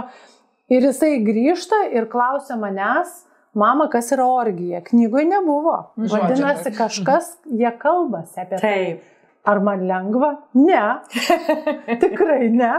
Bet ta prasme įkvepi, iškvepi ir pabandai paprastais žodžiais paaiškinti, kas tai yra. Jeigu jau knygoje perskaitė, kas yra seksualinis aktas, nu tai gali paaiškinti, kad žmonės kambaryje, nu ta prasme, aš atsiprašau už tokį pavyzdį, bet ką aš noriu pasakyti, kad mes, sakytų, mes, seksas, man, mes nuvertinam, ta prasme, mes nuve, aš jam skaičiau knygą raudonuodama irgi kai kuriuose vietose Jisai labai normaliai klausė ir jis atsinešė klausimą, ką tai reiškia, kad aš kaip mama irgi nuvertinau jo aplinką, aš galvoju, kad Taip. jie nekalba apie tai aštuonmečiai. Jis parsineša žodį. Tai prašau. Taip. Ir kas jam nutiko? Nu, jam nieko, nieko nenutiko. nenutiko. Nei nuo to. Yra atliktas tyrimas, kad dauguma vaikų pirmą kartą užklysta į pornografinius tinklalapius 8-9. Taip, taip, ta prasme, tai čia mes, aišku, truputį nukrypom į temą, bet lygiai taip pat. Jeigu aš knygoje perskaitau apie, nežinau, juododžius, apie rasizmą, apie tai, kad ten vergai kažkokie, va, dėdės Tomo trobelė, tai yra puikus batutas šuoliui kalbėtis, Taip. ta prasme, apie bet ką. Ir iš to, ta prasme, vėlgi tapatinantis, ką mes galime atsinešti. Mes Lietuvoje tikrai gyvenam nu, rasizmo klausimų, ta prasme, ra, rasių skirtingų. Taip, mes labai sterilioje aplinkoje gyvenam, tai valio, kad per knygą mes galime apie tai pasikalbėti. Taip. Gerai, žiūrėkit, jūs abi tokios fainos, protingos, drąsios, galit pasikalbėti apie rasizmą, apie lytinį aktą, seksą. Mano vaikai klausia, neklausia, kas yra lytinis aktas, klausia paprastai, kas yra seksas. Taip. Uh, bet jeigu aš esu mama, kuri nežinau kaip, nedrasu, ne, galų galę pati nežinau, kas to orgija, žinau kaip ir, bet nežinau, kokiais žodžiais apibūdinti, tai kaip tai pasakyti vaikui, kai jis ateina. Ir aš nežinau, žinok, ir aš sakyti, kad nežinau. Taip, aš sakau, matėjau, žinok, nelabai žinau, man reikia paieškoti informacijos, suprasti, taip. kaip tau apie tai papasakoti. Aš kažką žinau, bet nežinau, kaip tau normaliai, va taip, keliais sakiniais paaiškinti. Tu sakai ir mokiniams, ir, ir visiems, taip. aš nežinau. Ir ateini. Nežinau. Ir rytoj ateini, sakai, žiūrėk, aš pasieškojau, pagalvojau, per tą laiką gali, nu, ta prasme, nu, paskambinti. Pasakyti, nežinau, kai žinai, bet nežinai, kaip, kaip pasakyti. pasakyti. Tai tau reikia ir duoti savo laiko įkvėpti. Paskambinti tėvų liniją, pavyzdžiui, vakare. ir sakyti, klausykit, klausia, kas yra orgija, ką sakyti. Taip. Taip. Ir rytoj sakyt, žiūrėk, aš pasidomėjau, pasikalbėjau, va tau yra atsakymas. Beje, o kas galėtų padėti, tėvulinėje iš tikrųjų, ar kas dar galėtų padėti rasti tėvams būdus, kaip atsakyti tokius nepatogius klausimus? Tai viskas, Google, knygai, psichologai. Google, Taip. knygos, mokytojai, socialinis pedagogas mokykloje, psichologas, ar ne? Netgi mokytojai, dėl to, kad, na, mokytojai mato daug vaikų, Ir, na, jeigu dirba ne pirmą, ne antrą mėnesį, tai jau yra gavę daug klausimų. Taip, taip. Ir tai, gana anksti. Taip, taip, tai, tai reikia nebijoti, na, į mokytojus žiūrėti kaip į partnerius, o ne kaip į, na, nežinau, kažkokį atskirą taip, paslaugos teikėją ar atskirą vienetą. Tai yra, mes esame partneriai vaikų auginimo kelyje, ar ne? Tai, tai jeigu mes užmesgame tą partnerystę ir vėl grįžtame prie ryšio, ar ne, kur yra tėvų ir mokytojo ar mokytojos ryšys, tai tai irgi yra labai svarbu dėl to, kad tada tėvai jaučiasi saugus, va, nori pakvepuot, parašo mokytojai laišką, mokytojas ateina į darbą, gauna tą laišką, parašo atsakymą, tėvai susidėlioja savo atsakymą ir grįžta pas vaiką. Plus mokytojas jau žino, kad, kad vaikas vyksta, uždavė šitą klausimą ir jau žino, kad gali tikėtis tokių taip, ir pokalbių, taip. ir tokių klausimų klasėje. Ir tai yra, na, na vėl fantastinis viso to dėlionė. Ir vėl grįžtam prie ryšio. Taip. Neįtikėtina. Uh, Austėja yra vaikų literatūros konkurso narė. Šiemet pirmą kartą leidikla pernai. Komisijos narė. Komisijos. Taip, ar tu norėjai? Praleidau žodį. Nerašiau. Komisijos. Nerašė. Komisijos. Praleidau žodį komisijos. Ačiū, Kristina. E, iš tikrųjų, leidikla pernai paskelbė konkursą, tai laukiam rankraščių, sulaukiam ir šiemet vyko tas vertinimas ir nemažas buvo rankraščių pluoštas, tikrai ir perskaityti komisijos nariams reikėjo nemažai.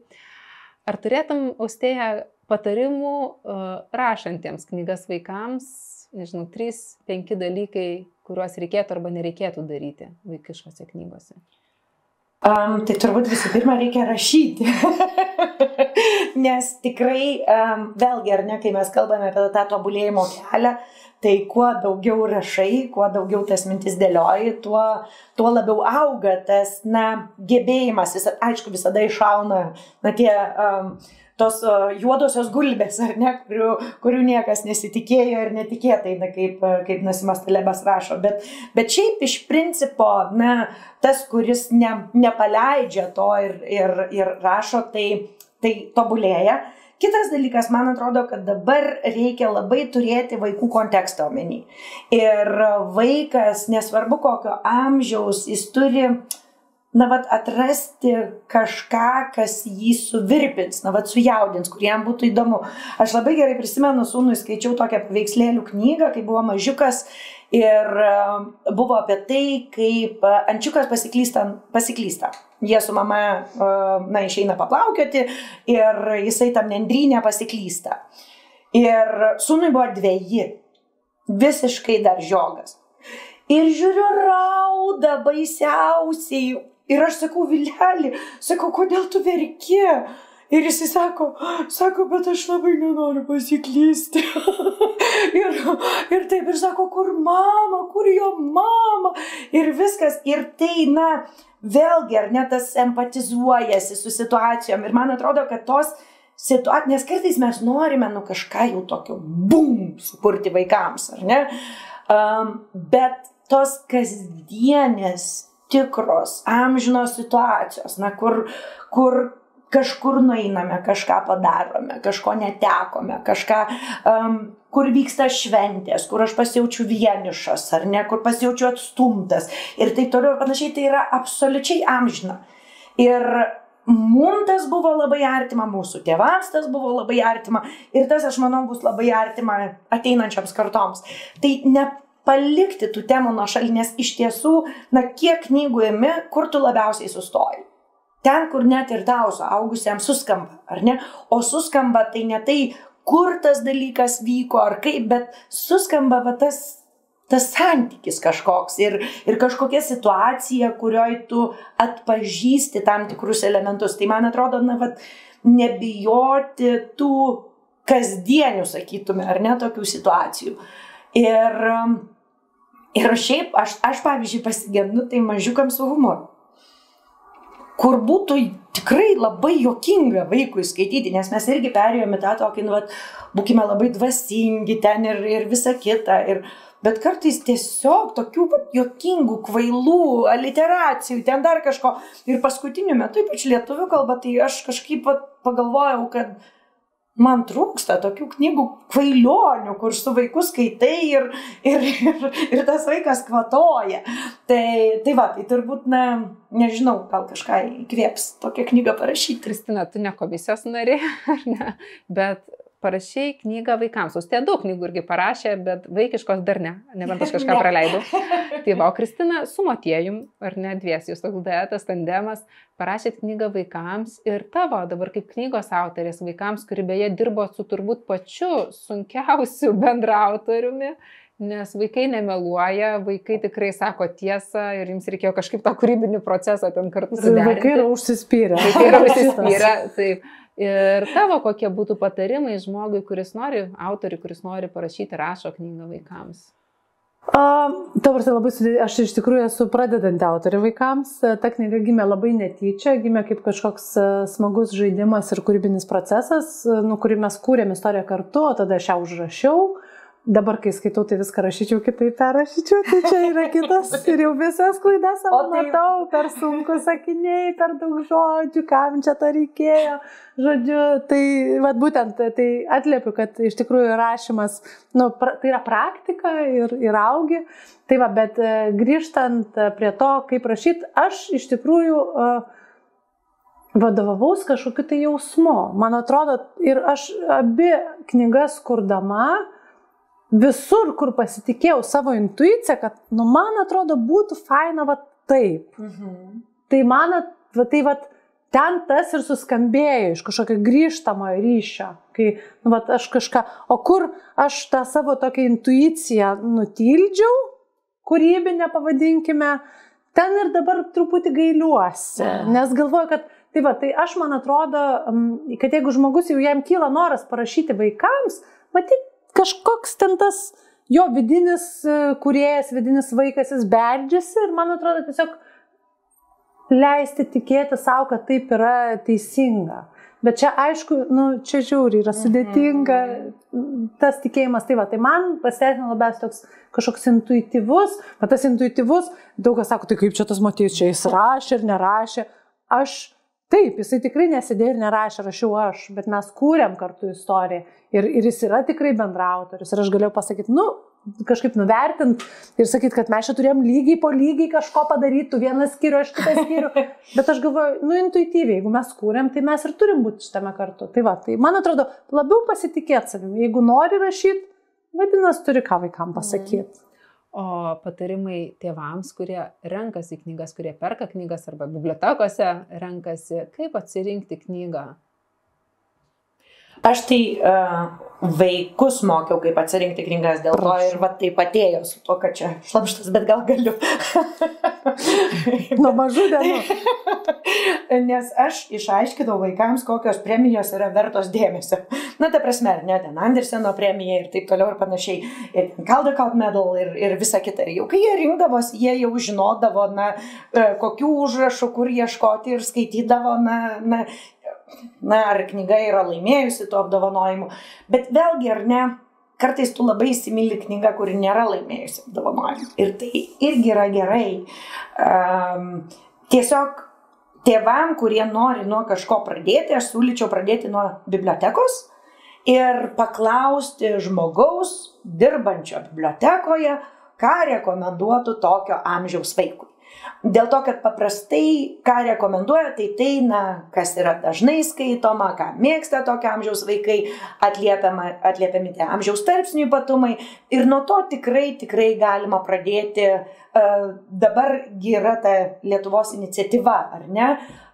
Užstrigo pavadinimas, uh, kur dabar kiekvienas gimęs kūdikis gaus. Skaitimo metai, vadinasi, taip, nacionalinės Martino bibliotekos projektas. Ir, ir ten yra fantastinis dalykas. Ir jų tinklalapyje yra jau rekomendacijos, na, va, ir patarimai tėvams, ką skaityti su tam tikro amžiaus vaiku, na, kaip tokios užvedam ant kelio, ar ne? E, ir aš prisimenu, kai aš rašiau tinklaraštį prieš labai daug metų, tai irgi buvo vienas populiariausių įrašų, prie kurio grįždavo dar praėjus dešimt metų žmonės, vis, vis matydavau, kad tai buvo rekomendacijos tam tikro amžiaus vaikams, ką jiems skaityti. Tai um, vėlgi aš manau, kad na, jeigu ir ant knygų yra tos rekomendacijos, kokio amžiaus vaikui skaityti, ir tame pačiame knyginė galima paklausti, ar ne, ką jūs rekomenduotumėt. Ir atsispirti nuo to, o jau po to ir pats vaikas Užsisuka. parodys ir, ir jūs patys atrasite tą kelią. Tiesiog svarbu pradėti. Aš sutinku, pradėti. kad ta, ta, ta, ta labai geri švituriai apdovanojimai. Lietuvoje mes irgi turime metų knygų rinkimus, ar ne, kur Taip. E, tikrai pažymimos tokios išskirtinės, kur vis tiek jau ir, ir, ir, literatūrologai pasižiūri, ar ne, vaikų, vaikų literatūros specialistai. A, tai internete yra ir, ir įbi, tarptautinės vaikų ir jaunimo literatūros asociacijos mhm. straipsnės yra rekomendacijos, net pagal temas sudėta. Tai jeigu jau nenueinam iki bibliotekos ir sėdim prie internetinio knygino pasirinkimų, tai va tos sąrašus galima a, pasižiūrėti, atsispirt. Galima paklausti draugės, kurie augina vaikus, kokios knygos patinka tavo vaikams. Galima paklausti savęs, kokios knygos man patiko ir pasimti savo, savo biblioteką kažkokią pakratyti. Tai čia, man atrodo, svarbiausia yra norėti, o surasti, jeigu tu ieškai. Tai... Tikrai rasi. Tikrai. Tai tikrai rasi. Ir iš kitos pusės, jeigu tu rasi, nu ir kokią šlamštą paaiškės, kad parsineši šlamštą namo, tai labai, man atrodo, yra svarbu ta tokia atjauta savo kaip mamai ir tėčiui. Kad, Taip. nu, ta prasme, Kalbant apie Norėjau šlamštą. pasakyti, nelabai. Taip, nutinka įvairių dalykų. Taip, kalbant apie šlamštą, klausykit, ar tikrai knygos gali padaryti žalą? Ar jums yra tekę susidurti su knygomis, kur taip drąsiai sakytumėt, kad žalinga? Ne tai, ne Aš iš karto gerai istoriją. Prašau. Mes važiavome slidinėti su draugais. Seniai, vaikai buvo mažiukai. Na ir mūsų vaikai vežėsi savo knygas ir draugų vaikai atsivežė savo knygas. ir aš, pra... ir jau, jau pamačius man tą knygą, užsidega raudona lemputė, bet vaikai išsirenka ją skaityti. Nu, nes aišku, jinai daug finesnė, jinai spalvingesnė, jinai ten e, puh, puh, puh, visokie tokie dalykai ir visa kita. Nu gerai, pradedam skaityti. Ir yra pirmieji sakiniai, kaip tėvelis grįžta pavargęs po darbo, atsisėda ant sofos, pasiema Laikraštį. laikraštį, o mamytė gamina vakarienę. Ten meškučiai ar kažkas. Ir aš prisimenu mūsų dukra, sako, kas čia per nesąmonė. ir, ir aš sakau, kodėl. Na, ir tie vaikai kiti atsisuko, sako, kodėl čia nesąmonė. Sako, o tai kodėl tėtis negamina kartu vakarienės. Ir, ir apskritai, sako, kodėl čia toks, na, va, ir jie buvo mažiukai tie vaikai, bet jiem bet iš karto užkliuvo. ar Jie ne? jau kalba ir jie jau kalbasi apie tai. Taip, jie kalbasi apie tai, jie diskutuoja. Ir, ir esmė yra ta, kad, na, čia galite sakyti, o tai ką dabar jau čia mamytės nebegamina vakarienės ir taip toliau ir panašiai. Ne, aš ne tai noriu pasakyti. Aš noriu pasakyti tai, kad tai, ką vaikas skaito, konstruoja jo pasaulio matymą. Nu ir tai, Nes ką vaikas skaito, aš nes bus pasakysiu. Ir kas supa, ir, ir supa, kas skaito. Nes bus vaikų, kurie skaitydami šitą knygą nesustos. Žinoma, bet suprantate, na, aš visai neseniai radau tokią knygą, ten, žodžiu, buvo tokia situacija, kur reikėjo sutvarkyti e, senų knygų e, krūvą e, ir ten buvo kaip mama katė lupa kačiuką ir savo parsivertusi ant kelių, užsimojusi Taip. lėtenėlę, savo lupą, nes kačiukas buvo neklusnus. Ir nelietuviška knygelė, ten angliška knygelė, ir prašau, 70-ųjų uh, mama nesvaržydama lupa savo kačiuką. Tai vėlgi, ar ne, uh, man ta knyga žiauriai patiko, aš sakau, aš labai jos norėčiau, bet negalėjau parsivežti, bet, bet tiesiog, nes aš sakau, kaip būtų įdomu vaikams parodyti, kokios buvo knygos, kokios buvo situacijos. Tai čia ir Ir vėl. keičiasi pasaulis, ar ne? Tai čia ir vėl. Man atrodo, kad pats tokios knygos buvimas nėra blogis per se. Mhm. Bet esmė yra, ką mes su vaiku kalbame, Taip, taip. skaitydami tą knygą. Bet čia, kur man užsidega lemputė, kad aš jau tada bevelyčiau, jeigu tėvai nekal, nekalba su vaiku, tai kad jau jie tokių dalykų neskaitytų. Nu, Kad taip. vaikai patys neskaitytų. Taip. Nes ką aš ir turiu omeny, kad vaikas gal nesustos ties ta vieta, kur tėtis ilsisi, o mama gamina vakarienę, nes pas jį tai yra kasdienė realybė. Ir jisai kritiškai pasižiūrėti į tokią knygą, jis tiesiog neturi galimybės. Bet čia Tačiau iš kitos pusės knyga labai ir nepakeis, jeigu jo namuose yra tėtis e, skaito laikraštį, a, o mama gamina Aš, vakarienę. Aš nesutikčiau, aš nesakyčiau taip visiškai. Taip, aš irgi Aš nesutikčiau. manau, kad knygos irgi daro labai didelę įtaką. Pavyzdžiui, um, na, tarkime, mes šeimoje ganėtinai mažai kalbėjom apie valgymo sutrikimus. Mhm. Nežinau kodėl, tiesiog tai nebuvo vat, Aktualu, ar ne? aktualu, ar ne? Ir mūsų dukrai perskaičius knygą, tai labai pakeitė naratyvą.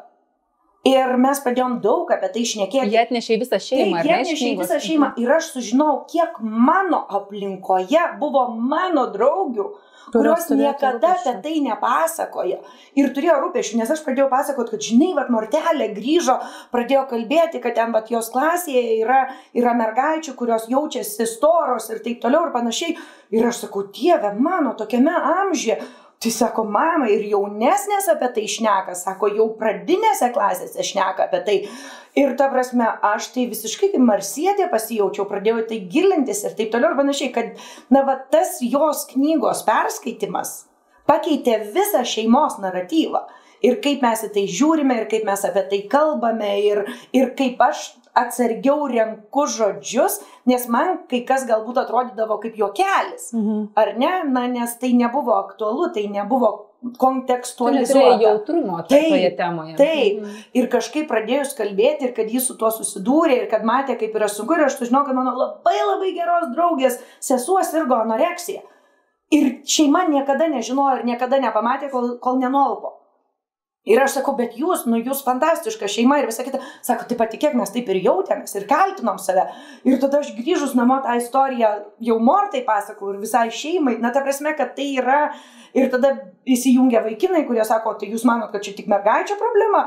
Ta prasme, tai, tai, tai va aš tikiu, kad... Labai geras pavyzdys, tai labai ačiū. keičia. Mhm. Ir, ir kad tam tikra knyga, jeigu tu esi atviras pokalbiui, gali nešti labai netikėtų, netikėtų dalykų į šeimą. Galimybių aukti. Taip. ne? Taip. Ačiū. Labai stipri išvalga iš tikrųjų. O abi dar ir rašytojos. Taip, dar kartą. A, Ar yra jūsų planuose kažkokių tokių greitai pasirodysiančių knygų arba knygų, apie kurias svajojat? Na, aš dabar apie paauglystę. Aš paauglystę dabar gyvenu, um, sapnuoju paauglystę ir, ir visą kitą, ir, ir gyvenu su paaugliais. Tai um, kažkaip, um, kažkaip labai, nežinau, man labai jautri šita tema dėl to, kad dabar, na, vien kompiuteryje esu atsidariusi ten begalę daug tų tepsų ir, ir, ir tyrimų, ir, ir straipsnių, ir, ir knygų perskaičiau begalę, jau, jau beveik viską, ką galėjau pasiekti, tai tą ir skaičiau. Nes aš turiu tą, tą sindromą, kur visą laiką jautiesi, kad, nu, dar turiu paskaityti, dar turiu pasigilinti. Jis nepakankamai, nes nepakankamai, nepakankamai gera gerai. Mhm. O tie, kaip ačiū, kad sakai, man atrodo, daugelis iš mūsų turi, nežinau, Kristina, kaip tu, bet aš tai atpažįstu. Nes atrodo, kad Amžinai. Amžinai, Tikrai, taip. Dieve mano, kad- tai ka- kas aš esu, kad čia jau taip Taip, vis dar galėčiau netobula. ar ne? Visai Lietuvai paleisti, kas tie tokie paaugliai yra ir visa kita. Ir kažkaip, um, kadangi aš manau, kad rašydama apie paauglius, aš turiu paklausti paauglių, ką jie apie tai mano, aš įtraukiau paauglius į knygos rašymą. E, ir užduodu paaugliams klausimus, na, vad ką jie apie tai mano. Ir visa tai yra anonimiška, dėl to gaunu tokių atsakymų, na, kurie, kurie, nežinau, verčia iš koto, ar ne, na, ką jie mano ir mano dabar pačios matymas, tai yra, nu, kokie jie nuostabus, kokie jie yra kosminiai, kaip jie žino viską ir taip toliau ir panašiai. Tai, tai kažkaip labai tas, labai ta paauglystė iš tiesų yra nuostabi kelionė. Nuostabi kelionė. Ir man atrodo, kad tėvam, kai jie, na, kai tas vaikas jau ateina link paauglystės, reikėtų kažkaip pagauti tą bangą. Na, žinot, kaip banglentininkai, jeigu tu priešinsiesi tai bangai, tai tu ir nuskesti gali. Bet jeigu tu Eisi tiesiog eisi su ją, ar ne? Ir kaip sako, netgi kai tave pagauna tos povandeninės rovės, tu jokių būdų negali priešintis, ar ne? Nes tada jau beveik be šansų išsigelbėti. Tu turi va, tiesiog duotis nunešamas tada iš šoniuką ir, ir jau tada išplaukti. Tai, tai man kažkaip atrodo, va, labai ta metafora su paauglystė siejasi, kad, kad tu jau viskas, nes mano profesorius JAV visada sakydavo, kad, žiūrėk, per 11 gimtadienį uh, jisai sakydavo, atsidarai vyno butelį, sėdi į fotelį ir žiūri, ką pridirbai. Kaip tėvas. Nesako, jau tada vaikas, jis gali sakyti, kada eina į mokyklą ir nenueiti. ją. Taip. Jis gali sakyti, kad, na, su draugais šneka apie perskaitytas knygas, o šnekėti apie visai kitus dalykus. Nes iš tiesų tu jau turi tada paleisti tą vaiką. Ir va tada ateina ta didžiulė banga. Ir tiesiog tu turi vat plaukti su ją. Ir, ir vat mėgautis, ir žiūrėti, ir visa kita. Ir, ir kažkaip, kuo tu labiau gebėsi paleisti, um, tuo, man atrodo, ta, tas na, tas skrydis, jisai yra labai labai tada gražus. Tai, tai va, tai kažkaip aš tą knygą rašydama pati dar labai daug ko mokausi ir, ir, ir pati labai daug reflektuoju ir galvoju, nu, vad kaip gerai, kaip gerai, kad mes nesustojame mokytis ir mokomės visą gyvenimą. Taip, o aš tai neseniai labai paleidau tą tylis džiaugsmo ieškojo pasaką su odega ir labai noriu pabūti su ją. Ir turiu idėjų tikrai, bet dabar ne, net nežinau, ar galbūt išauks dar tylio koks nors tiesinys, jeigu jis toliau gyvens mūsų namuose ir mums matėm seksis kūryba arba, Aš, man iš tikrųjų yra problema didesnė, kaip visas idėjas įgyvendinti. Aš kūrybinį idėją visada turiu, sąrašiukus, turiu savo tokius e, brainstormo, tą galėčiau, tą galėčiau, tą galėčiau ir man didesnė yra problema, kaip surasti laiko ir visas įsigyvendinti arba susitaikyti su to, kad aš jų neįgyvendinsiu. Tai va, tai aš neįvardinsiu, aš tiesiog noriu pabūti dar tą šviežus e, vaiko knygos taip. jo autorė kol kas. Ačiū Jums abiems už šitą nuostabų pokalbį. Dar noriu paprašyti pabaigai. Tai vis dėlto skaitimas ir ankstyvasis ūkdymas. Grįžtam į pačią pačią pradžią, nuo ko ir pradėjom. Trim sakiniais. Tai mes iš tikrųjų, man atrodo, atsakėm didžiąją dalim, kad e, tiek skaitimas, tiek ankstyvasis ūkdymas ir šiaip e, buvimas su vaiku e, visada yra svarbiausias jame ryšys. Ir jeigu jis yra, jūs tie minėjau, kad ir su, kaip su mokytis, nu ten vyksta stebuklai tada. Tai labai labai noriu kažkaip pa, pa, padrasinti ir paskatinti visus labiausiai investuoti į ryšį. Ir tada jau kokią formą, ar tu ten per skaitimą, ar tu ten tiesiog per pulėjimą šalia ir, nežinau, ant lubų ieškojimą taškučių, tada jau, tada jau tie stebuklai vyksta. Tiesiog tą daryti. Tiesiog, tiesiog tą daryti. Mhm. Ir, ir tada viskas pavyks. Taurėsne, kad tiesiog daryti, nes viskas pasidaro darimo būdu. Iš tikrųjų, mes labai dažnai leidiklai sakom šitą frazę, kad viskas pasidaro darimo būdu, čia yra toks mūsų e, raktinis veiklos, raktinė frazė. Ir kaip leidėjai, tai Alma Litera labai aiškiai yra įsivardinę, kad um, skaitimas yra labai svarbi, svarbi mažo žmogaus gyvenimo dalis ir kad labai stipriai yra susijęs su tuo, koks žmogus jis bus, į ką jis išauks, koks žmogus jis bus, kai bus augęs. Ir kažkaip labai norim, kad tie maži vaikučiai turėtų tokių skaitinių, kurie juos įkvėps skaityti, kai jau jie bus vyresni ir tada paskatins grįžti, kai bus paaugliai ir spręsti ant savo kažkokius reikalus. Ir žinoma, paskui, kai bus augę, kad tikrai knyga būtų jų ir, ir žinių šaltinis, ir įkvėpimo, ir polsio. Tai labai smagu, kad čia laikiniai moksliniai tyrimai ir jūsų patirtis ir teorija, kurią sukopė, tai patvirtina. Tai Taip, smarkuolė Gilė Hopkins. Aš patylėjau, žinokit, mano irgi viena iš mėgstamiausių ir mylimiausių vaikystės knygų ir dar galiu pasakyti, kas man buvo staigmena, kad yra filmų pagal šitą knygą, tai jeigu nematė, tai galima irgi pasigūglinti ir atrasti. Beje, taip, e, e, Gilė yra klasikos serijos dalis, mes leidžiam tokią vertingiausių klasikos kūrinių kolekciją ir aš čia visiškai neseniai ruošiau pristatymą apie šitą seriją ir atradau, kad visos serijos knygos turi filmų. Ten yra ir Timas Taleris, ir Karo žirgas, Dvinukės ir tikrai yra labai nemažai filmų, kurie yra klasika jau seniau kurti ir tokių, kurie šiais laikais yra kuriami. Tai man pačiai buvo toks atradimas ir užsidėjau irgi kaip šauktuką, kad su vaikais pažiūrėti, nes e, knyga, filmai jie irgi koreliuoja ir kartais vaikas gali nueiti į knygą per filmą. Tai su džiaugsmu padovanoju Jums Gilę Hopkins. Ačiū. Ir Ačiū. Atsisveikinu iki kito epizodo. Ačiū visiems tiems, kas išklausėte iki galo. Leidikla Alma Litera, knyginėjimai. Iki kito karto, sako jums.